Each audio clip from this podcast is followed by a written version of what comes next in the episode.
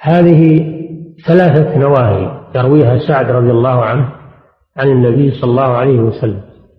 نهى أن يجصص القبر وأن يبنى عليه وأن يقعد عليه.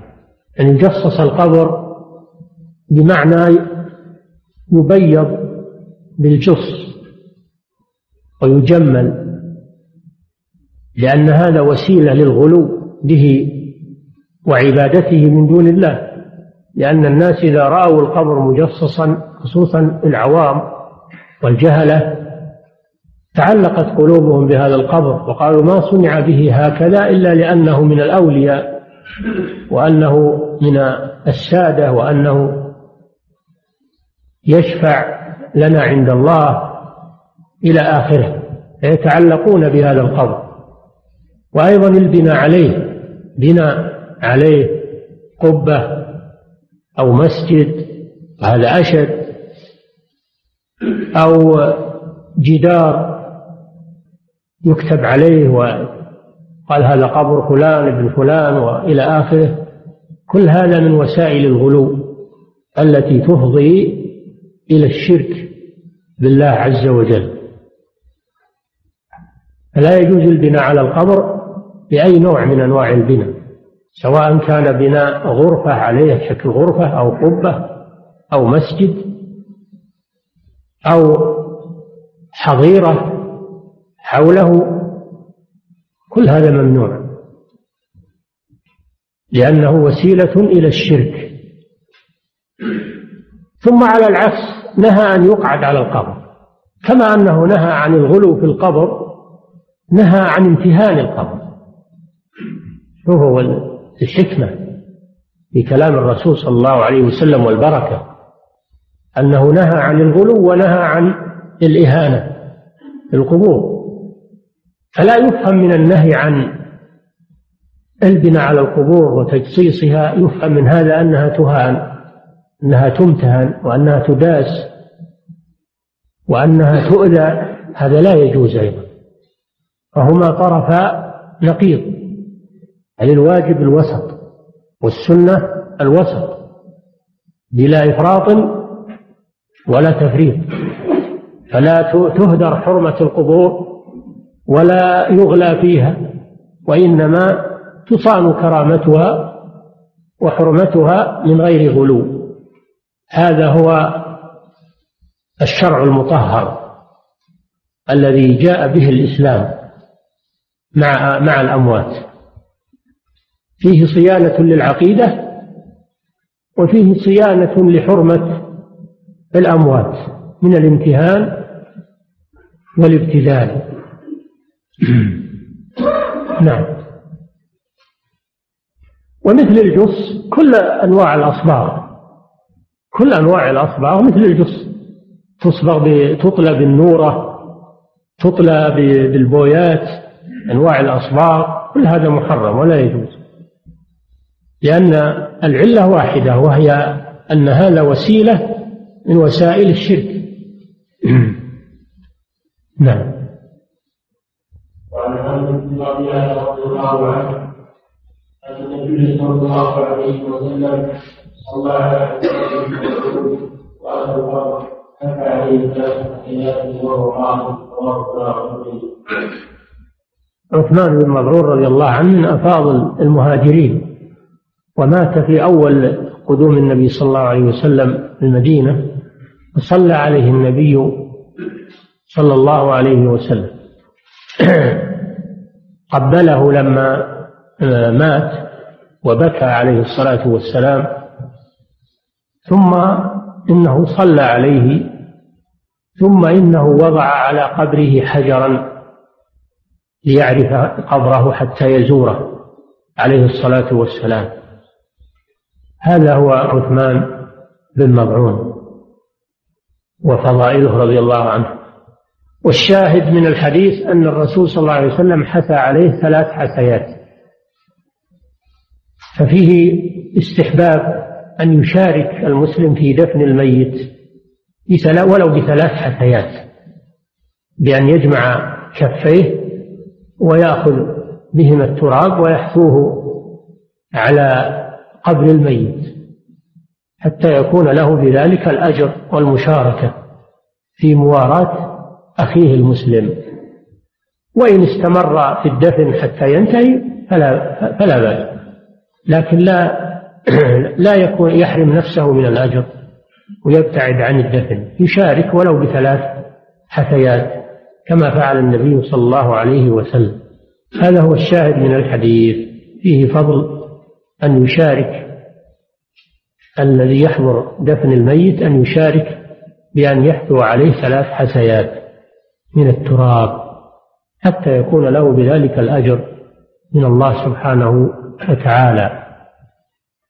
وفيه فضيلة عثمان بن مضعون رضي الله عنه حيث إن النبي صلى الله عليه وسلم صلى عليه وشارك في دفنه حضر دفنه وشيعه. نعم. عثمان رضي الله عنه قال قال رسول الله صلى الله عليه وسلم إذا ضرب بدفن المشرك ورفع عليه وقال استغفروا لأخيكم واستغفروا التوفيق فإنه كان يسأل رواه أبو داود وصححه الحاكم. عن عثمان بن عفان رضي الله عنه خليفة الراشد أن النبي صلى الله عليه وسلم كان إذا فرغ من دفن الميت وقف عليه. وقال استغفروا لأخيكم واسألوا له التثبيت فإنه الآن يسأل. هذا فيه دليل على أن المشيعين للميت بعد دفنه لا ينصرفون بل يقفون على قبره ويدعون له يستغفرون له ويسألون الله له التثبيت. لأن الميت إذا وضع في قبره وفرغ من دفنه وانصرف الناس عنه حتى إنه ليسمع قرع نعالهم يأتيه ملكان يأتيه ملكان في قبره فيقعدانه تعاد روحه في جسده وهذه حياة برزخية ليست مثل الحياة على وجه الأرض إنما هي حياة برزخية. لا يعلمها إلا الله سبحانه وتعالى. فيجلسانه ثم يوجهان له ثلاثة أسئلة. إن أجاب عليها جوابا صحيحا فاز وسعد. وإن أخفق والعياذ بالله في الجواب خاب وخسر. وهذا كما في قوله تعالى يثبت الله الذين آمنوا بالقول الثابت في الحياة الدنيا وفي الآخرة. ويضل الله الظالمين ويفعل الله ما يشاء. يسألانه من ربك وما دينك ومن نبيك. فالمؤمن يقول ربي الله وديني الإسلام ونبيي محمد صلى الله عليه وسلم. فإذا أجاب بهذه الإجابات نادى مناد من السماء أن صدق عبدي فأفرشوه من الجنة وافتحوا له بابا إلى الجنة. فيوسع له في قبره مد بصره. ويفتح له باب إلى الجنة ويأتيه من روحها وطيبها ويصبح في روضة من رياض الجنة. وأما المرتاب والمنافق فإنه لا يستطيع الجواب. إذا قيل له من ربك قال ها ها لا أدري. وما دينك؟ يقول ها ها لا أدري. من نبيك؟ يقول ها ها لا أدري. فينادي مناد أن كذب عبدي فأفرشوه من النار. افتحوا له بابا إلى النار.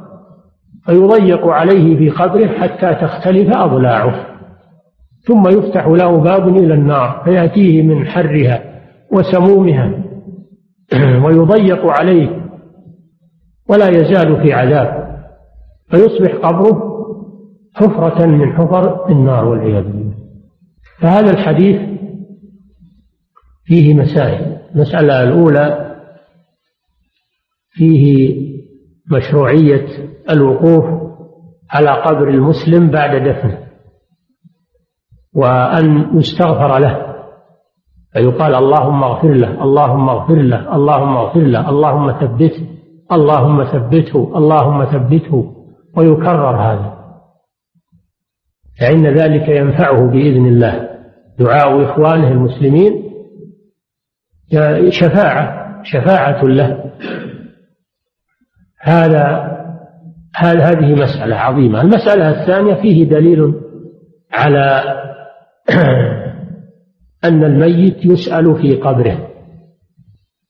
بعد دفنه يسأل فإن أجاب بجواب صحيح سعد وأفلح وإن أجاب وإن لم يستطع الجواب فإنه يخيب ويخسر والعياذ بالله.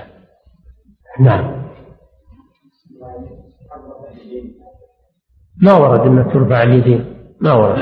ما دام ما ورد ما نعم. نعم. وعن حديث رضي الله عنه عن قال الناس قال يا فلان لا إله إلا الله ثلاث مرات يا فلان الله ودين الإسلام ونبي محمد رواه سعيد بن منصور موقوفا والطبراني أحمد بن حديث أبي أمامة مرفوعا هذا حديث التلقين بعد الدفن. التلقين يعني يلقن الجواب. من أجل أن يستحضر الجواب إذا سأله الملكان. أن يقول ربي الله ودين الإسلام ونبي محمد صلى الله عليه وسلم.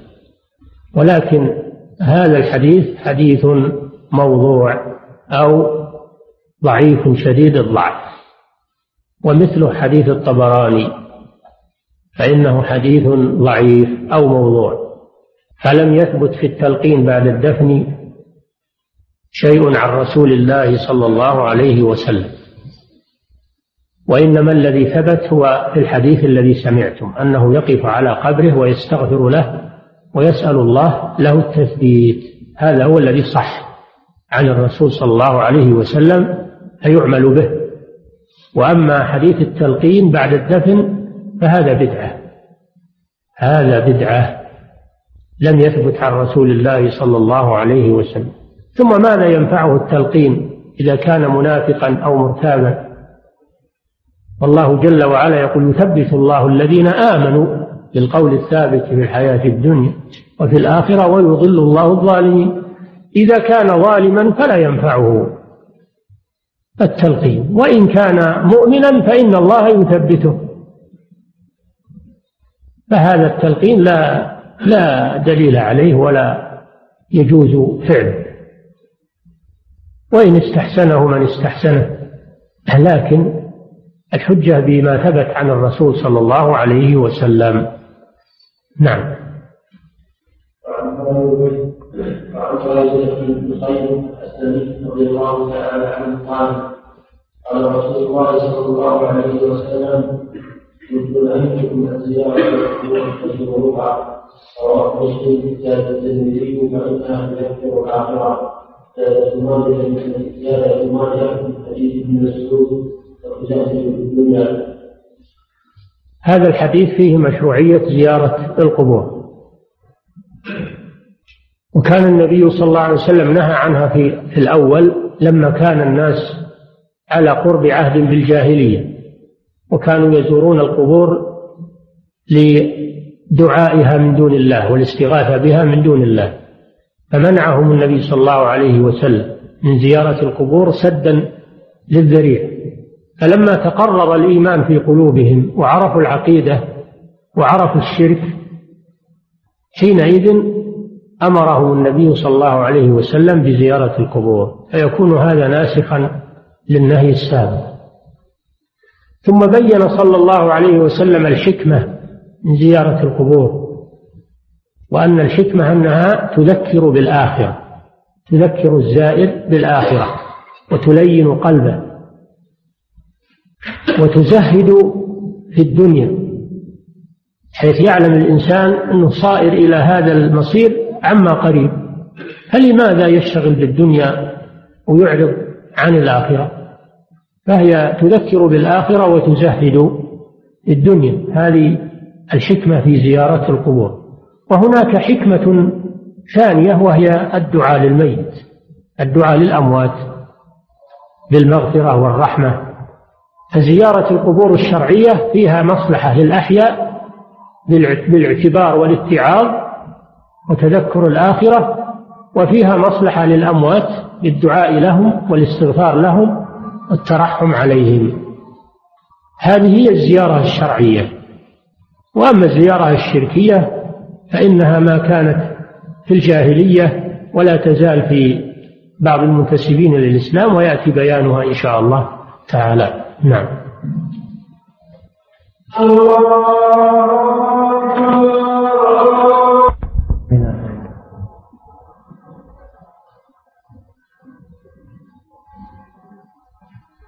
نعم. إذا كانت الجنازة في سيارة هذه الأيام قبل حال وجوده لها هل يكون عملها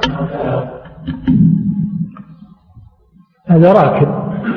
اللي في سيارة هذا راكب يكون خلفها. نعم. وإن كان وإن صار أمامها فلا مانع. لكن الأفضل أن يكون خلفها وأن تكون السيارة اللي فيها الجنازة هي المقدمة. نعم. يوضع بدلا من الذي هل هذا جائز؟ الجواز جائز ولكن اللبن أحسن هو الذي كان عليه عمل المسلمين. إذا كان فيه لبن متماسك وقوي فيكتفى باللبن. وأما إذا لم يكن هناك لبن يصلح ولا يتماسك واحتيج إلى إلى إلى الآجر أو غيره من الأمور. التي تتماسك فلا مانع من ذلك. نعم.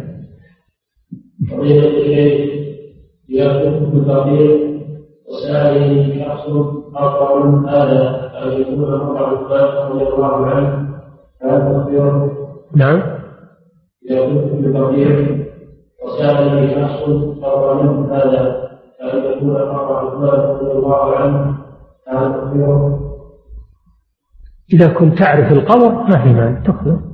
إلا إذا علمت من حاله أنه خرافي فلا تخبر. أما إذا علمت أنه من أهل التوحيد ومن أهل العقيدة ويريد أن يخص هذا الميت أو هذا القبر بدعاء وسلام فلا مانع من ذلك. نعم.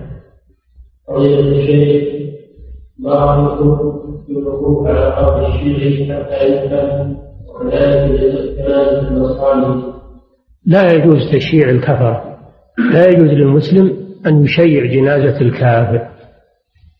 هذا لا يجوز حرام. لأن هذا من التولي.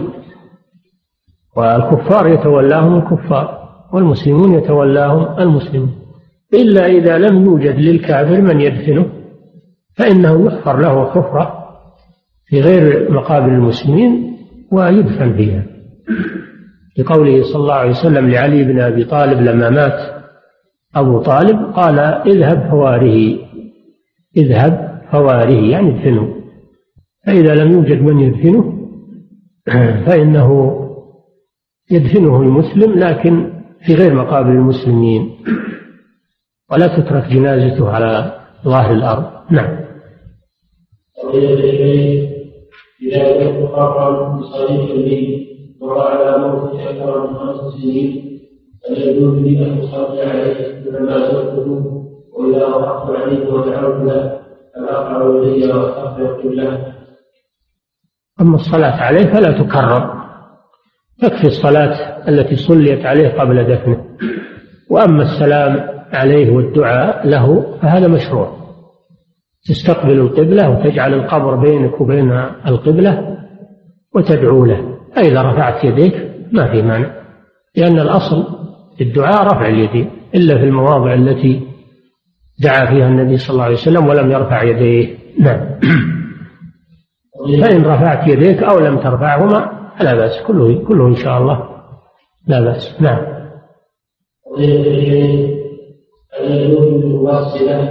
أو المساعدة الصلاة على الميتة إذا كان يواصل بعد تكفيرها. لا مانع من ذلك. أن المرأة تصلي على الجنازة رجلا أو امرأة سواء جماعة نساء أو امرأة واحدة أو نساء مع رجال لا بأس بذلك. نعم. يجوز للنساء صلاة الغائب على نية المنزل وإذا كان جالسا فتصلي جماعة مع إذا شرعت الصلاة على الغائب فهي للرجال وللنساء ما في مانع للرجال وللنساء. وذلك بأن يكون الغائب له شأن في الإسلام إما يكون من قواد الجهاد في سبيل الله أو يكون من العلماء أو يكون من ولاة الأمور من ولاة أمور المسلمين. إذا كان له شأن في الإسلام فإنه يصلى عليه صلاة الغائب كما صلى النبي صلى الله عليه وسلم على النجاشي. صلاة الغائب. أما إذا كان مسلما عاديا فإنه لا تصلى عليه صلاة الغائب. تكفي الصلاة عليه في بلده. نعم. يقول بعض الناس إن فعل الجنازة دليل على شرها. على على شرها. دليل على صلاحها. هل هذا صحيح أم لا؟ لا هذا غير صحيح ولا ولا أصل له. فيما أعلم نعم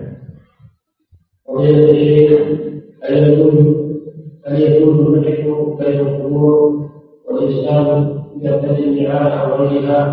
أم لا؟ إذا كان المكان فيه شوك فيه حصى فلا بأس أنه يلبس النعال ويمشي بها لكن يتوقع أن يدوس على القبور يمشي فيما بينها يمشي فيما بين القبور أما إذا ما كان فيه شوك ولا فيه حصى ولا فيه شيء يشق عليه فيخلع النعال نعم.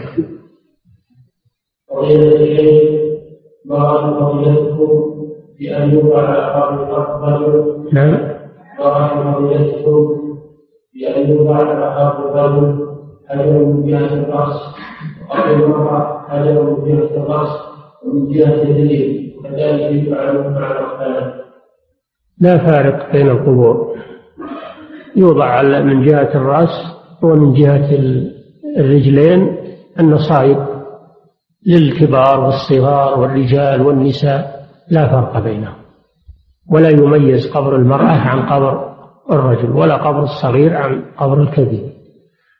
وإذا احتاج أنه يضع علامة على القبر لأجل يعرفه في الزيارة والدعاء له إذا جاء فلا بأس بشرط أن تكون غير كتابة وغير تجصيص يكون حجر يضع حجر صغير علامة على القبر أو يخط عنده خط أو ما أشبه ذلك من العلامات التي لا يعرفها إلا هو. نعم. من الأعراض الصحيحة لكسر الميت أخذ الأعراض لمن في نقل الأعضاء هذا محل إشكال عظيم ولا يجوز فتح الباب لأنه حصل تلاعب وحصل بيع. في ناس يعتدون على المرضى حتى قبل يموتون ويأخذون أعضاءهم يبيعونها. فلا يفتح هذا الباب. ويجب أن تصان أجسام المرضى وأجسام الأموات ولا يتلاعب فيها. إنما هذا في الحي الحي إذا تبرع الحي بعضو من أعضائه لا يضره مثل الكلية أو شيء من أعضائه لا يضره وينفع أخاه هذا لا بأس لأنه حي يتبرع بهذا الشيء الذي لا يضره. أما الميت فلا يتعرض له لا يتعرض له لا قبل وفاته ولا بعد وفاته. نعم. لا يملك الإذن هو وما يملك الإذن وهو ليس ملكا لنفسه فيأذن نعم.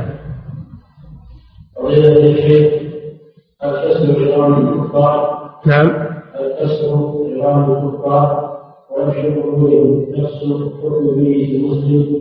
نعم. بدون حاجة لا يجوز. حتى ولو كانوا كفار بدون حاجة لا يجوز. ولو كانوا كفارا لأن الإنسان له كرامة حتى ولو كان كافرا. ولذلك يدفن ولو كان كافرا. أما إذا كان لحاجة كتعلم الطب فهذا فيه نظر لبعض العلماء يقول لا بأس ما دامت جثة كافر يجوز تشريحها والتعلم عليها. أفتى بهذا بعض العلماء والمسألة فيها توقف وفيها حرج. نعم. حصل حادث برجل من عائلته وكانت منه فيها ولم يمكن من إخراجه من السيارة فهل يجوز يدخل سيارته بهذه الحرة الكبيرة تدخل فيها؟ نعم لا بأس. إذا ما تمكن من إخراجهم من السيارة أو كان في إخراجهم تمزق لهم وضياع لأعضائهم فلا بأس أنه يحفر ويدفنون في سيارتهم. الحمد لله. اتقوا الله ما استطعتم. نعم. يصلى عليهم. يصلى عليهم قبل الدفن ثم يدفنون بسيارتهم نعم. هل؟ يجوز الدراسة على ذكر موت الكفار بحيث هل يجوز الدراسة على ذكر موت الكفار بحيث سبق الجواب عنها. قلنا أن بعض العلماء أفتى بهذا والمسألة فيها تحرج وتوقف. نعم.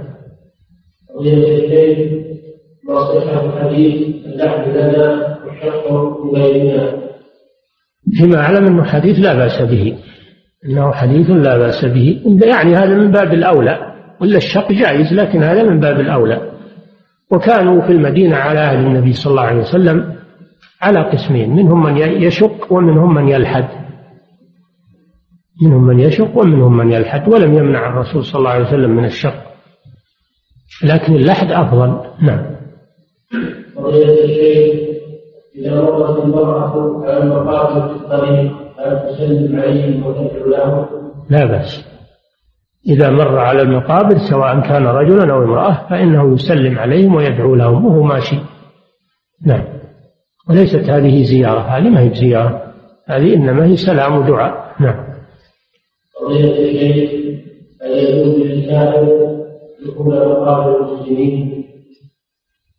ما يمنع من هذا، إيش المانع من هذا؟ يدخل. لعله يسلم لعله يكون سبب في إسلامه نعم ما نعلم مانع يمنع من هذا. نعم. إلا إذا كان أنه يحصل منه أذى للقبور يحصل منه سوء تصرف يمنع حتى ولو كان مسلما. نعم. حتى أن المسلم المسلم يجوز له يجوز أن يزور قبور الكفار للاعتبار. المسلم يجوز أنه يزور قبور الكفار للاعتبار. والنبي صلى الله عليه وسلم زار قبر أمه بالأبواء وأذن الله له بذلك. يجوز للمسلم أن يزور أن يزور زيارة الكافر. سواء كان من أقاربه أو من غيرهم من أجل الاعتبار فقط. أما الدعاء فلا يجوز له أن يدعو لهم ولا يستغفر لهم. لأن النبي صلى الله عليه وسلم استأذن ربه أن يستغفر لأمه فمنعه من ذلك ولم يأذن له. نعم. لماذا لم نأخذ بقوله ابن عطية رضي الله عنها أنه لم يعلم عليهم مع أن الصحابة هم الذين عاصروا من الوحي. الناس رسول الله صلى الله عليه وسلم خالفها الصحابة الصحابة خالفوها وحملوا النهي عن التحريم وهم أبصروا منها والأصل معهم أن أن النهي للتحريم نعم هناك أفلام فيديو القصص بشكل أفلام هناك أفلام فيديو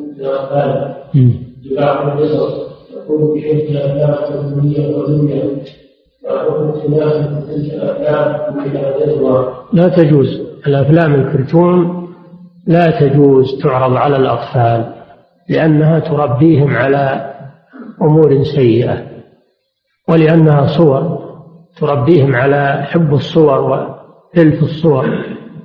وقد صدر من المجمع الفقهي بمكة قبل سنوات قرار بمنع هذا الشيء نعم عندي أرض اشتريتها الأسعار والآن سعرها أقل من سعر شرائها ولا في إلا إذا ارتفع سعرها أو عند حاجة المال هل علي زكاة في هذه الأرض؟ إذا كنت عازما على بيعها فإنها تجب فيها الزكاة كل سنة ولكن تقومها بما تساوي كل سنة. زادت أو نقصت؟ أما إذا كنت مترددا في بيعها أو عدم بيعها فلا زكاة فيها نعم. الله تعالى أعلم وصلى الله وسلم على نبينا محمد. بسم الله الرحمن الرحيم. الحمد لله رب العالمين.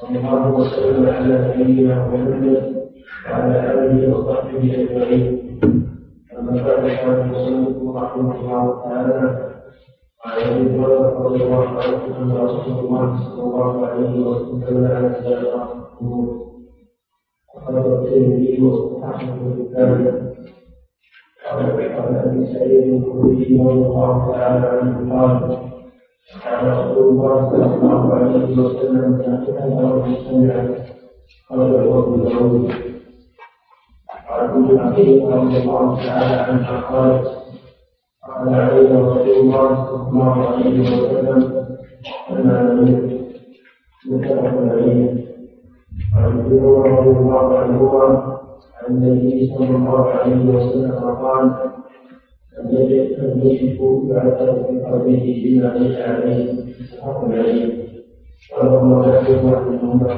بن رضي الله تعالى عنه وعن انس رضي الله عنه قال ليس مسلم النبي صلى الله عليه وسلم وسلم رسول الله صلى الله عليه وسلم ذلك من القبر وخيف عليه سبعا رواه البخاري وعن جابر رضي الله عنه ان النبي صلى الله عليه وسلم قال ساق الليل إلا أن يذكروا أو ماجه وأخطر في مسلم لكن قال يدعو أن يذكر رجل الليل حتى يصلى عليه.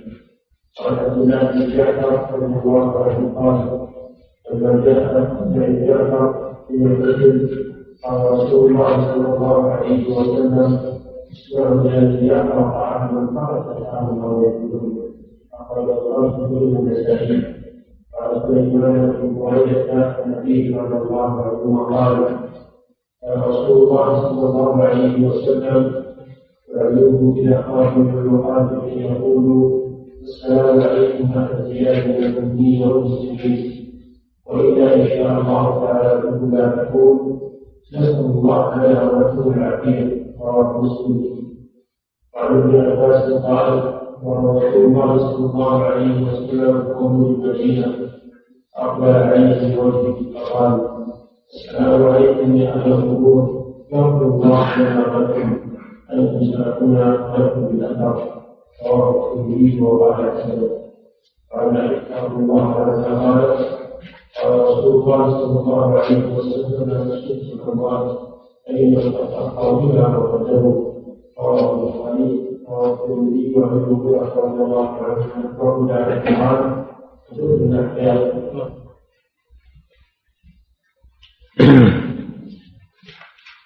بسم الله الرحمن الرحيم. الحمد لله رب العالمين وصلى الله وسلم على نبينا محمد وعلى آله وصحبه وبعد. هذه الأحاديث في آخر كتاب الجنائز تتعلق بزيارة القبور وبالنهي عن النياحة وجواز البكاء على الميت. الحديث الأول عن بريدة رضي الله عنه أن النبي صلى الله عليه وسلم قال كنت نهيتكم عن زيارة القبور. ألا فزوروها فإنها تذكر بالآخرة. وفي رواية وتزهد في الدنيا. قوله صلى الله عليه وسلم كنت نهيتكم. هذا في أول الأمر. لما كان الناس حديث عهد بالجاهلية وكانوا يزورون القبور من أجل الاستغاثة بالأموات ودعائهم ويعملون عندها الشرك الأكبر نهى النبي صلى الله عليه وسلم عن ذلك سدا للذريعة. نهى عن زيارة القبور سدا للذريعة لأن زيارتها وسيلة وذريعة إلى عبادتها من دون الله عز وجل كما كان عليه أهل الجاهلية من اتخاذهم الأموات شفعاء. يقربوهم إلى الله زلفى كما ذكر الله تعالى عنهم ذلك. فلما عرف الناس التوحيد استقر في قلوبهم زال المحذور وبقيت زيارة القبور مصلحة خالصة. عند ذلك أمر بزيارتها فقال فزوروها. ثم بين الفائدة التي تحصل من زيارة القبور فقال فإنها تذكر بالآخرة. وفي رواية وتزاهد في الدنيا. تذكر بالآخرة فإن الإنسان إذا رأى الأموات ورأى القبور والقبور هي أول منازل الآخرة فإنه يتذكر الآخرة فعند ذلك يستعد للعمل لها. وفي رواية وتزهد في الدنيا إذا عرف الإنسان مصيره وأنه سيلحق بهؤلاء عما قريب فإنه يزهد في الدنيا لأنه راحل عنها فلا ينشغل بها عن العمل الصالح لأنه لا يليق بعاقل فضلا عن المؤمن أن يشتغل بما بما يتركه ويتعب فيما لا يبقى له. بل يرحل ويتركه. ولهذا قال النبي صلى الله عليه وسلم لابن عمر رضي الله تعالى عنهما كن في الدنيا كأنك غريب أو عابر سبيل. فيزهد الإنسان في الدنيا هذه التي شغلته وأخذت وقته وحملته على ما لا ينبغي من المنافسة فيها والمشاحه والمشاحنة فيها فإنه تقل عنده أهمية الدنيا. إذا رأى القبور ورأى المصير ورأى كثرة الراحلين يوميا تقل عنده الرغبة في الدنيا. هذه هي الحكمة في زيارة القبور. فدل هذا الحديث على مسائل. المسألة الأولى في الحديث دليل على قاعدة سد الذرائع. فإن النبي صلى الله عليه وسلم نهى في الأول عن زيارة القبور سدا لذريعة الشرك. وكل وسيلة تؤدي إلى المحذور فإنه ينبغي تركها. وهذه قاعدة معروفة عند الفقهاء. المسألة الثانية في الحديث دليل على مشروعية زيارة القبور. لأن الرسول صلى الله عليه وسلم أمر بها قال فزوروها. أمر بها. والأمر في الأصل يفيد الوجوب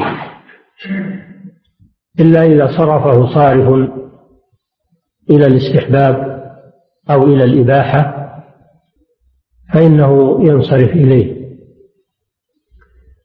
فهذا الأمر ليس للوجوب وإنما هو للاستحباب عند جمهور أهل العلم.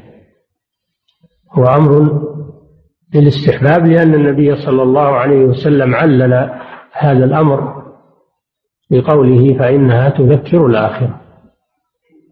فدل على أنه ليس للوجوب وإنما هو للاستحباب. ولم يقل أحد بوجوب زيارة القبور إلا ما ينسب إلى الإمام ابن حزم رحمه الله.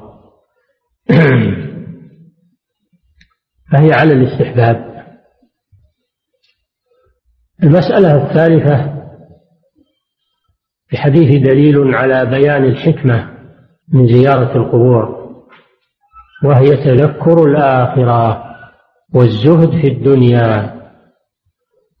فإذا كانت زيارة القبور من أجل ذلك فإنها مشروعة. أما إذا كانت زيارة القبور من أجل دعاء الأموات فهذه شرك أكبر. دعاء الأموات والاستغاثة بهم والاستنجاد بهم كما يفعل القبوريون اليوم والذبح عند قبورهم والنذر للقبور. هذا شرك أكبر صرف للعبادة لغير الله عز وجل. وكذلك إن كانت زيارتها من أجل دعاء الدعاء عندها. الدعاء عندها يظن أن الدعاء عندها مستجاب. هو لا يدعو القبور وإنما يدعو الله عز وجل ولكن يدعوه عند القبور ظنا منه أن الدعاء عندها يستجاب. فهذا بدعة ووسيلة من وسائل الشرك.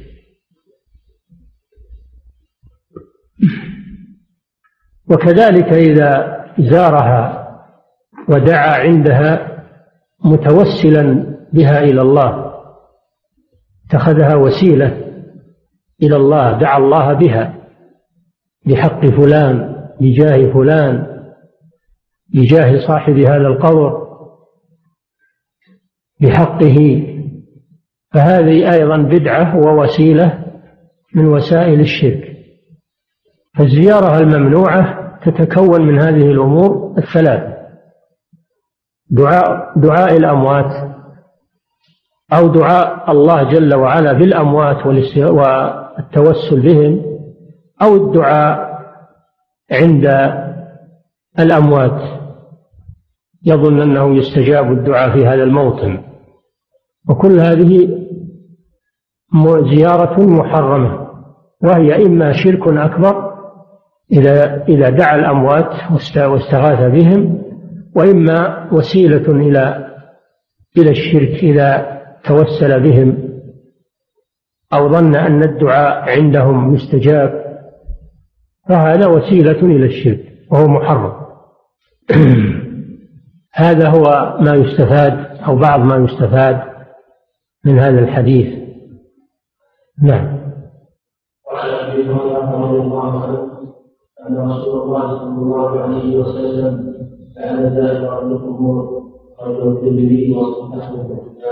عن أبي هريرة رضي الله عنه أن النبي صلى الله عليه وسلم لعن زائرات القبور. لعن يعني دعا باللعنة دعا باللعنة واللعنة أو اللعن هو الطرد والإبعاد عن رحمة الله. سبحانه وتعالى. ولا يكون إلا على كبيرة من كبائر الذنوب. لأن ضابط الكبيرة أو نار فإن هذا لا يكون إلا على كبيرة من كبائر الذنوب. فتكون زيارة النساء للقبور محرمة وكبيرة من كبائر الذنوب لأن النبي صلى الله عليه وسلم لعن زائرات القبور. ويكون هذا الحديث مخصصا للحديث السابق حديث بريدة. كنت نهيتكم عن زيارة القبور فزوروها. زوروها هذا عام يعم الرجال والنساء. فجاء حديث أبي هريرة فخصص النساء وأخرجهن من عموم الحديث السابق. فدل هذا الحديث على تحريم زيارة النساء للقبور وعلى أنها كبيرة من كبائر الذنوب. والحكمة في منع النساء من زيارة القبور لأنهن ضعيفات. يتأثرن إذا رأينا القبور ورأينا قبور أقاربهن. يتأثرن وقد يحصل منهن جزع ونياحة وأفعال محرمة بحكم ضعف النساء وعدم انضباطهن. ولما في خروجهن إلى المقابر من الفتنة وخشية الوقوع في الفواحش إذا خرجت النساء إلى المقابر ودخلها الرجال وربما يرتادها الفساق من أجل الفتنة يحصل مفاسد من ذلك. فمنعت النساء من زيارة القبور لهذين السببين. أولا خشية حصول الجزع والنياحة منهن وثانيا خشية الفتنة بين الرجال والنساء.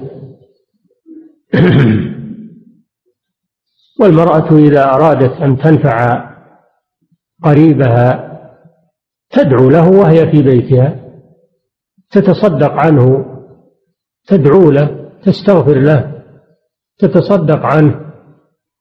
إن ذلك ينفعه بإذن الله. ولا حاجة إلى أنها تزور قبره لما في ذلك من المفاسد. فيكون هذا الحديث مخصصا لحديث بريدة. زوروها فإنها تذكر بالآخرة. أما ما يروى أن عائشة كانت تزور قبر أخاها وأن أم عطية قالت نهينا عن زيارة القبور ولم يعزم علينا فهذا يجاب عنه بأحد جوابين إما أنه اجتهاد لهؤلاء النسوة اجتهاد منهن والاجتهاد في مقابل النص لا يقبل. النبي صلى الله عليه وسلم لعن زائرات القبور فلا يقبل اجتهاد أحد في مقابلة النص. هذا جواب والجواب الثاني أن يحمل هذا الأمر على ما كان عليه في أول الأمر ثم نهى عنه الرسول صلى الله عليه وسلم. أن هذا كان في أول الأمر. لما أمر بزيارة القبور صارت النساء تزور القبور بعد بعد ذلك نهى النبي صلى الله عليه وسلم فيكون ناسخا يكون ناسخا لعموم حديث بريدة ناسخا في حق النساء وباقيا في حق الرجال أو تقول يكون مخصصا والتخصيص أحسن من النسخ لكن عند الحنفية عندهم التخصيص يعتبر من النسخ. فعلى كل حال الصحيح والراجح من قولي العلماء تحريم زيارة النساء للقبور ولا فرق في زيارة القبور الكثيرة والقبور القليلة ولا فرق بين زيارتهن لقبر النبي صلى الله عليه وسلم أو غيره من القبور. لعموم النهي لعن زائرات القبور. هذا عام في جميع القبور يدخل فيه قبر النبي صلى الله عليه وسلم. لا يجوز للنساء أن تزور قبر النبي صلى الله عليه وسلم. وإنما تصلي في المسجد النبوي وتصلي وتسلم على الرسول صلى الله عليه وسلم من غير أن تزور قبره. والصلاة على الرسول صلى الله عليه وسلم والسلام عليه يبلغه يبلغانه من أي مكان. صلوا علي حيث كنتم فإن صلاتكم تبلغني. المقصود حاصل ولله الحمد بدون زيارة منهن. نعم. وعن أبي سعيد الخدري رضي الله تعالى عنه قال لعن رسول الله صلى الله عليه وسلم النائحه والمستمعه أخرجه أبو داود. لعن النبي صلى الله عليه وسلم النائحة والمستمعة. لعن تقدم لنا معنى اللعن أي دعا عليهن عليهن باللعنة. ودعاء النبي صلى الله عليه وسلم مستجاب. والنائحة هي التي ترفع صوتها عند المصيبة النائحة هي التي ترفع صوتها عند المصيبة أو تشق ثوبها أو تلطم خدها قال صلى الله عليه وسلم ليس منا من لطم الخدود وشق الجيوب ودعا بدعوى الجاهلية تبرأ منه الرسول صلى الله عليه وسلم. فلا تجوز النياحة على الميت بمعنى أن ترفع الأصوات بذكر محاسن الميت. وأن تقول النائحة وعضداه وجبلاه وقريباه إلى آخره. لأن هذا ينبئ عن الجزع. وإذا حصل أفعال تصاحب رفع الصوت فهذا أشد من شق الجيوب ولطم الخدود ودعوى الجاهلية. كانت النياحة معروفة في الجاهلية فهي من أمور الجاهلية. وكل ما كان من أمور الجاهلية فإنه محرم. قال صلى الله عليه وسلم أربع في أمتي من أمور الجاهلية لا يتركونهن. الطعن في الأنساب والفخر بالأحساب الفخر الفخر بالأنساب والطعن في الأحساب والنياحة على الميت أو ثلاث ثلاث في أمتي من أمور الجاهلية الفخر بالأنساب والطعن في الأحساب والنياحة على على الميت. فعد النياحة على الميت من أمور الجاهلية وكل ما كان من أمور الجاهلية فإنه محرم. شديد التحريم. إضافة إلى أن النبي صلى الله عليه وسلم لعن من فعله. وقال عليه الصلاة والسلام النائحة إذا لم تتب قبل موتها تقام يوم القيامة وعليها سربال من قطران ودرع من جرب. سربال من قطران وهو النحاس والعياذ بالله. يكون عليها ثوب من النحاس. يحمى عليها في نار جهنم. ودرع من جرب وهو الجرب مرض معروف مرض جلدي معروف وذلك لشدة تعذيبها. ف فالنياحة على الميت محرمة وهي من أمور الجاهلية وهي كبيرة من كبائر الذنوب لأنها تتنافى مع الصبر.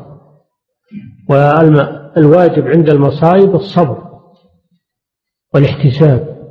قال الله تعالى وبشر الصابرين الذين إذا أصابتهم مصيبة قالوا إنا لله وإنا إليه راجعون. أولئك عليهم صلوات من ربهم ورحمة وأولئك هم المهتدون. قال تعالى ما أصاب من مصيبة إلا بإذن الله. ومن يؤمن بالله يهدي قلبه. والله بكل شيء عليم. قال علقمة هو الرجل تصيبه المصيبة فيعلم أنها من عند الله فيرضى ويسلم. فدل هذا الحديث على تحريم النياحة وأنها كبيرة من كبائر الذنوب لأن النبي صلى الله عليه وسلم لعن من فعلتها وأيضا عدها من أمور الجاهلية. ثانيا في الحديث تحريم الاستماع إلى النائحة لعن المستمعة أيضا وهي التي تقصد الاستماع إلى النائحة لأنها إذا استمعت إليها فقد أقرتها على فعلها وشجعتها على فعلها. فلا يجوز الاستماع إلى النائحات بل الواجب العكس وهو المنع والإنكار على من فعل ذلك. وأما السامع الذي يسمع النياحة ولم يقصد الاستماع إليها وإنما سمعها مجرد سماع من غير قصد لها فهذا لا إثم عليه. لكن عليه أن ينكر. من رأى منكم منكرا فليغيره بيده. فيجب عليه الإنكار. أما مجرد سماعه من غير قصد فهذا لا لا يؤاخذ عليه. نعم. عن ابن رضي الله تعالى عنها قال قال علينا رسول الله صلى الله عليه وسلم أن لا نروح عليه عن أم عطية رضي الله عنها قالت أخذ علينا رسول الله صلى الله عليه وسلم ألا ننوح يعني على الأموات. ومعنى أخذ علينا أي في البيعة أي في البيعة. لأن المسلمين كانوا يبايعون النبي صلى الله عليه وسلم الرجال والنساء. أما الرجال فيبايعونه بالمصافحة ومد الأيدي إليه صلى الله عليه وسلم. وأما النساء فكان النبي صلى الله عليه وسلم يبايعهن بالكلام دون مصافحة. وما مست يده صلى الله عليه وسلم يد امرأة لا تحل له قط وإنما كان يبايع النساء بالكلام. وكان من جملة ما بايعهن عليه الامتناع من النياحة فدل هذا الحديث كما كالحديث الذي قبله على تحريم النياحة وأنها مما كان النبي صلى الله عليه وسلم يبايع النساء على تركها كما كان يبايعهن على ترك الشرك بالله عز وجل وغيره من الكبائر. يا أيها النبي إذا جاءك المؤمنات يبايعنك على أن لا يشركن بالله شيئا ولا يسرقن ولا يزنين ولا يقتلن أولادهن ولا يأتين ببهتان يفترينه بين أيديهن وأرجلهن ولا يعصينك في معروف فبايعهن واستغفر لهن الله. إن الله غفور رحيم. ومن جملة ما كان يبايع النساء عليه على تركه النياحة. فدل على تحريم النياحة وأنها كبيرة من كبائر الذنوب. نعم. قال ابن عمر رضي الله عنهما عن النبي صلى الله عليه وسلم قال الميت يعذب في قبره بذلك عليه متفق عليه. وهذا الحديث أيضا في موضوع النياحة. في موضوع النياحة. الميت يعذب في قبره بما نيح أي بسبب الباء سببية أي بسبب ما نيح عليه. فدل هذا الحديث على تحريم النياحة كالأحاديث السابقة. وزيادة على التحريم دل على أن ضرر النياحة يصل إلى الميت في قبره ولا يقتصر إثمها على الأحياء وإنما يصل إلى الميت في قبره. هذا مما يدل على خطر النياحة وعظم شرها والعياذ بالله. كما دل هذا الحديث على ثبوت عذاب القبر وأن عذاب القبر حاصل وله أسباب منها النياحة على الميت. ولكن استشكل كيف يعذب الإنسان بفعل غيره. كيف يعذب الميت بفعل غيره؟ والله تعالى يقول ولا تزر وازرة وزر أخرى. فما الجواب عن هذا الإشكال الذي حصل بين الآية والحديث؟ العلماء رحمهم الله اختلفوا في الأجوبة. فمن العلماء من أنكر هذا الحديث وقال لأنه يتعارض مع الآية الكريمة ومنهم عائشة أم المؤمنين فإنها تنكر مثل هذا الحديث أنه يتعارض مع الآية. كيف يعذب الإنسان بعمل خيره؟ والله جل وعلا يقول ولا تزر وازرة وزر أخرى. ولا شك أن هذا الرأي ليس بشيء لأن الحديث ثابت عن الرسول صلى الله عليه وسلم. حديث ثابت عن الرسول صلى الله عليه وسلم فلا مجال لرده الجواب الثاني قالوا هذا الحديث محمول على من كان راضيا بذلك إذا كان مات ولم ينهى أهله عن النياحة أو أو أوصاهم بذلك أن ينوحوا عليه فإنه يعذب في قبره. يعذب في قبره لأنه أقر هذا الشيء ولم ينهى عنه أو أوصى به فيعذب لأن له مشاركة فيه. كما كان أهل الجاهلية يوصون أن يناح عليهم بعد موتهم قال الشاعر إذا مت فانعيني بما أنا أهله وشقي علي الجيب يا بنت معبدي. فهو يوصي بنت معبد أن تنوح عليه وأن تشق جيبها عليه إذا مات. فالحديث والله أعلم محمول على هذا النوع من الناس. الذين يوصون بالنياحة عليهم أو لا ينكرونها. هذا جواب الجواب الثالث أنه ليس المراد بالتعذيب هنا تعذيب بالنار وإنما المراد أن الميت يتألم يتألم ويتضجر من النياحة عليه يعني يتضايق يتضايق في قبره من ذلك. فليس معنى التعذيب هو التعذيب بالنار وإنما هو نوع آخر وهو التضايق والتألم والتضجر. فإذا كان الميت يتضايق من ذلك فإنه لا يجوز أن يعمل ما يشق عليه.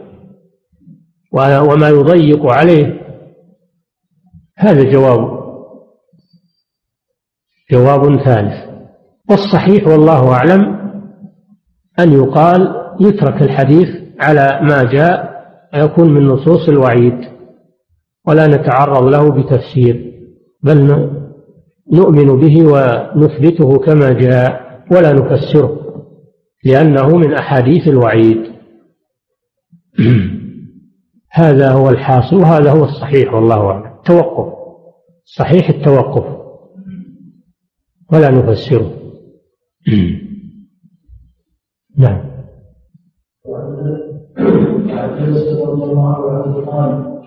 شهدت النبي صلى الله عليه وسلم ورسول الله جالس في القبر فرأيت أيديه تدمعان رواه البخاري شهدت بنتا للنبي صلى الله عليه وسلم تدفن. والنبي صلى الله عليه وسلم جالس عند القبر. اختلف العلماء رحمهم الله ما المراد بهذه البنت. لأن النبي صلى الله عليه وسلم توفي له عدة بنات وهو حي. توفيت رقية وتوفيت أم كلثوم وتوفيت زينب رضي الله عنهن وهو حي. أما رقية وأم كلثوم رقية كانت زوجة لعثمان بن عفان رضي الله عنه فلما ماتت زوجه النبي صلى الله عليه وسلم بنته الثانية أم كلثوم. ثم ماتت معه رضي الله عنه. ثم قال النبي صلى الله عليه وسلم لو كان عندي ابنة ثالثة لزوجتك إياها. وأما زينب فكانت مع العاص بن أبي الربيع توفيت في عهده صلى الله عليه وسلم.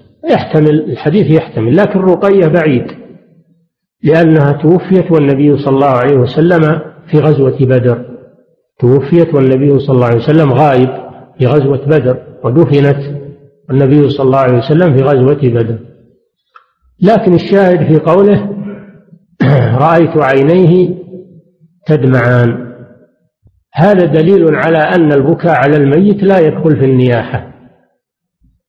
ولذلك ساقه المصنف رحمه الله بعد أحاديث المنع من النياحة ليدل على أن البكاء مجرد البكاء لا يضر ولا يعد من النياحة لأنه ناشئ عن الرحمة والشفقة. وأيضا الإنسان ما يستطيع يمنع البكاء يغلبه البكاء. خلاف النياحة فإنها باختياره. هذا المقصود من إيراد هذا الحديث بعد حديث النياحة. والنبي صلى الله عليه وسلم لما توفي ابنه إبراهيم قال العين تدمع والقلب يحزن. ولا نقول إلا ما يرضي الرب. وإنا بك يا إبراهيم لمحزونون.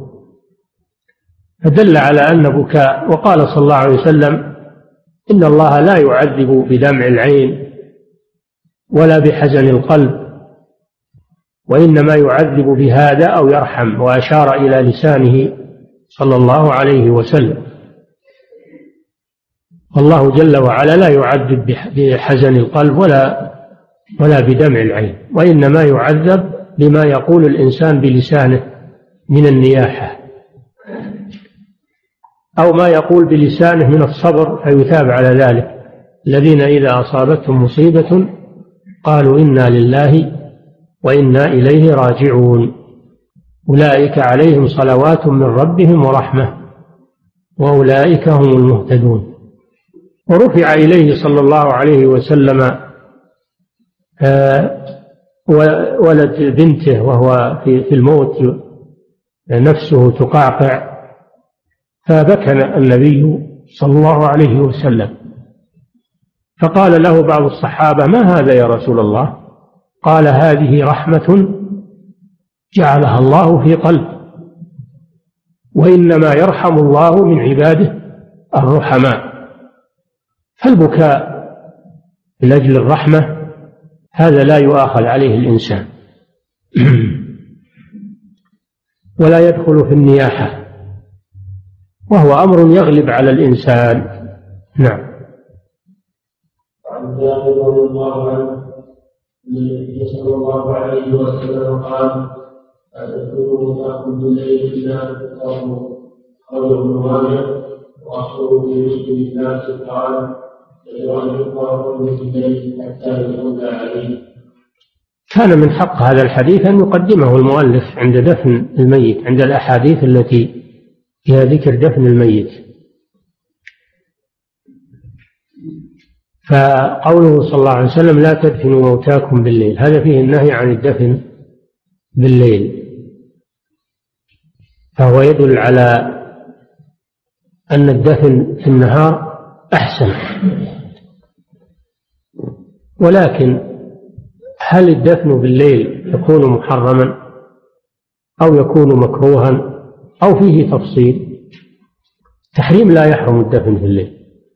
لا يحرم لأن أبا بكر رضي الله عنه دفن بالليل ولأن عليا رضي الله عنه دفن فاطمة بنت الرسول صلى الله عليه وسلم بالليل. فدل على أن الدفن بالليل ليس محرم. وإنما الدفن في النهار أحسن منه. أو أن في ذلك تفصيلا. إن كان الدفن في الليل يترتب عليه تقصير في حق الميت من حيث إحسان تغسيله وتكفينه وكثرة المصلين عليه فإذا دفن بالليل حصل عليه نقص في هذه الأمور فإنه يكره الدفن في الليل لما يتسبب عنه من التقصير في حق الميت. ولهذا قال في الرواية الثانية حتى يصلى عليه فدل على أن المنع أو النهي عن الدفن في الليل من أجل أن يكثر المصلون عليه النهار. أما إذا لم يترتب ضرر على الميت ولا نقص في حقه فلا بأس من الدفن بالليل كما دفن أبو بكر رضي الله عنه في الليل وفاطمة دفنت في الليل والنبي صلى الله عليه وسلم دفن بعض أصحابه في الليل وأسرج له في القبر عليه الصلاة والسلام. فالصحيح التفصيل أنه إذا كان يترتب على الدفن في الليل تقصير في حق الميت فإنه يكره. أما إذا لم يترتب عليه تقصير في حق الميت فإنه لا كراهة في ذلك. هذا هو الصحيح في المسألة. نعم. رضي الله عنه قال لما جاء ابن جعفر ليهوده قال رسول الله صلى الله عليه وسلم اسمعوا لآل جعفر طعاما أخذ تأخذ وجبره رجل خمس عن عبد الله بن جعفر رضي الله عنه. قال لما جاء نعي جعفر. يعني يعني أباه رضي الله عنه. نعيه يعني الإخبار بموته. والمراد جعفر بن أبي طالب. شقيق علي بن أبي طالب. وكان من السابقين الأولين إلى الإسلام. ممن هاجر إلى الحبشة. ممن هاجروا إلى الحبشة الهجرة الأولى. وبعثه النبي صلى الله عليه وسلم في بعث إلى الشام لغزو الروم وجعله قائدا على الجيش لأن الروم تحركوا لغزو المسلمين. فالنبي صلى الله عليه وسلم بادرهم وأرسل جيشا يتكون من ثلاثة آلاف مقاتل وجعل القيادة لعبد لجعفر بن أبي طالب. فإن استشهد فالقائد زيد فالقائد زيد بن حارثة مولاه. فإن استشهد فالقائد عبد الله بن رواحة رضي الله عنه. فحضر آه، تلاقى الجيشان في مكان يقال له مؤتة في أرض الشام. وكان عدد المسلمين ثلاثة آلاف. وعدد الروم مئة ألف. تشاور المسلمون فعزموا على القتال. فقاتلوا ثلاثة آلاف في مقابل مئة ألف. واستشهد جعفر بن أبي طالب رضي الله عنه. فأخذ الراية بعده زيد بن حارثة. فاستشهد رضي الله عنه. ثم أخذ الراية عبد الله بن رواحة. فاستشهد رضي الله عنه. ثم أخذ الراية خالد بن الوليد فانحاز بالمسلمين انحاز بهم عن العدو وانتهى انتهت المعركة. لما أخذ الراية خالد رضي الله عنه ورأى أن المسلمين وقعوا في خطر انحاز بهم حتى أبعدهم عن أرض المعركة وانتهت المعركة. جاء الخبر من السماء إلى النبي صلى الله عليه وسلم باستشهاد الثلاثة وهو في المدينة فأخبر أصحابه بذلك وأمر أن يصنع لآل جعفر يعني أهل بيت جعفر زوجته وأولاده يصنع لهم طعام لأنهم جاءهم ما يشغلهم من المصيبة فلا يتفرغون لصنع الطعام لأنفسهم. فدل هذا الحديث على مشروعية صنعة الطعام لأهل الميت من جيرانهم قدر ما يكفيهم وإن كان عندهم ضيوف فلقدر ما يكفيهم ويكفي ضيوفهم أيضا لأنهم مشغولون بمصيبتهم. هذا هو السنة أنه يصنع لأهل الميت طعام مواساة لهم في مصيبتهم وأيضا هم بحاجة إلى الطعام يكون في ذلك معاونة لهم. هذا هو السنة. أما العكس وهو أن أهل الميت يصنعون الأطعمة ويجمعون الناس وينصبون خيام ويستاجرون مقرئين فهذا مأتم هذا مأتم محرم وبدعة هذا مأتم محرم وبدعة. لأنه عكس سنة الرسول صلى الله عليه وسلم. ولأنه يكلف أهل الميت. أهل الميت جاءهم ما يشغلهم وهؤلاء يكلفونهم بصنعة الطعام لهم وينزلون عندهم ينصبون خيام ويجون من هنا وهناك للأكل والشرب والضحك ويتخذون مناسبة موت الميت نزهة يملؤون بطونهم وهذا من الأمور المحدثة في الإسلام وهو بدعة شنيعة. وإذا كانت هذه المآتم تقام من تركة الميت فهذا ظلم للورثة وأكل للمال بغير حق.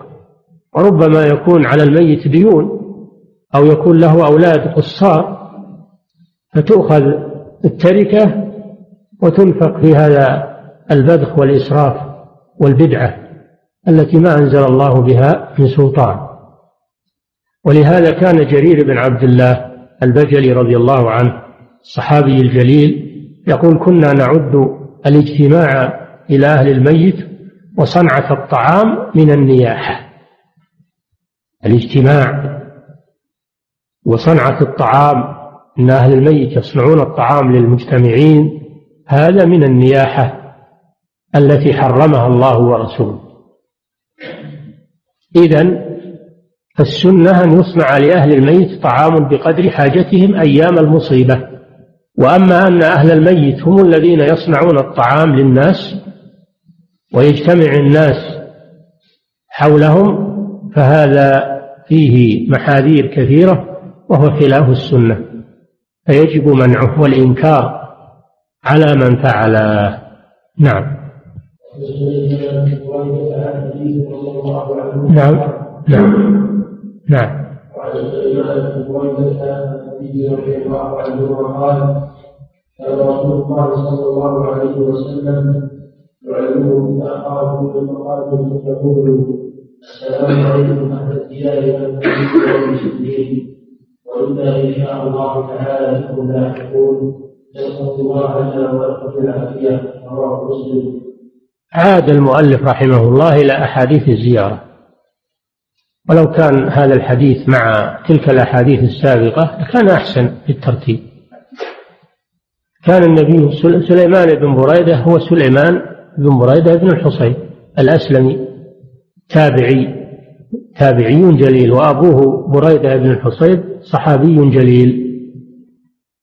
أن النبي صلى الله عليه وسلم كان يعلمهم إذا زاروا القبور أن يقولوا السلام عليكم أهل الديار من المسلمين والمؤمنين. وإنا إن شاء الله بكم لاحقون. يرحم الله المستقدمين منا ومنكم والمستأخرين. فهذا فيه بيان الدعاء الذي يقال عند زيارة القبور أنه أولا يسلم عليهم كما يسلم على الأحياء. ومعنى السلام عليكم كما كما سبق أنه إما أنه دعاء لهم بالسلامة أو أنه يقول اسم الله عليكم وهو السلام لأن السلام من أسماء. الله سبحانه وتعالى تبركا باسمه سبحانه وتعالى. أهل الديار المقابر ديار فالقبر مسكن والمقابر ديار دار البرزخ سمى دار البرزخ لأن الدور ثلاثة دار الدنيا ودار البرزخ والدار الآخرة. الدار الدنيا ودار البرزخ معبر. وسفر وأما الآخرة فهي دار القرار. دار القرار إما في الجنة وإما في النار. فقوله أهل الديار أي أهل المقابر. سمى المقابر ديارا لأن البرزخ أحد الدور الثلاث. من المسلمين والمؤمنين صفتان كريمتان الإسلام والإيمان ومعناهما واحد. وإن كان إذا ذكر الإسلام والإيمان جميعا فالإسلام يطلق على الأعمال الظاهرة والإيمان يطلق على أعمال القلوب. وكلاهما متلازمان. لا يصح إسلام بدون إيمان ولا يصح إيمان بدون إسلام. متلازمان. وإنا إن شاء الله بكم لاحقون. هذا تذكر للآخر. يعني الزائر يذكر نفسه لأنه لاحق بهؤلاء. فهذا مثل قوله صلى الله عليه وسلم فيما سبق فإنها تذكر الآخرة. فيذكر نفسه ويقول إنا بكم لاحقون. وأما الإتيان بإن شاء الله لماذا؟ مع أنه متحقق أنه لاحق بالأموات. فلماذا جاء بإن شاء الله؟ هل هي للاستثناء أو هي للتبرك؟ بعض العلماء يقول إنها للتبرك. مثل قوله تعالى لتدخلن المسجد الحرام إن شاء الله. ومثل قوله تعالى ولا تقولن لشيء إني فاعل ذلك غدا إلا أن يشاء الله فيؤتى بها للتبرك. وقال بعضهم إنها للاستثناء لأن الإنسان لا يدري ماذا يموت عليه فقد يموت ولكن لا يلحق بالصالحين. يصير مع الأشقياء والعياذ بالله فهو أتى بإن شاء الله من أجل الاستثناء لأن الإنسان لا يزكي نفسه. فيأتي بإن شاء الله من باب التحقيق وحسن الظن بالله سبحانه وتعالى. الإنسان لا يحكم لنفسه ولكن يعلق ذلك بمشيئة الله جل وعلا. ولا تقولن لشيء إني فاعل ذلك غدا إلا أن يشاء الله. المشيئة بيد الله سبحانه وتعالى. فدل هذا الحديث على مشروعية زيارة القبور كما سبق.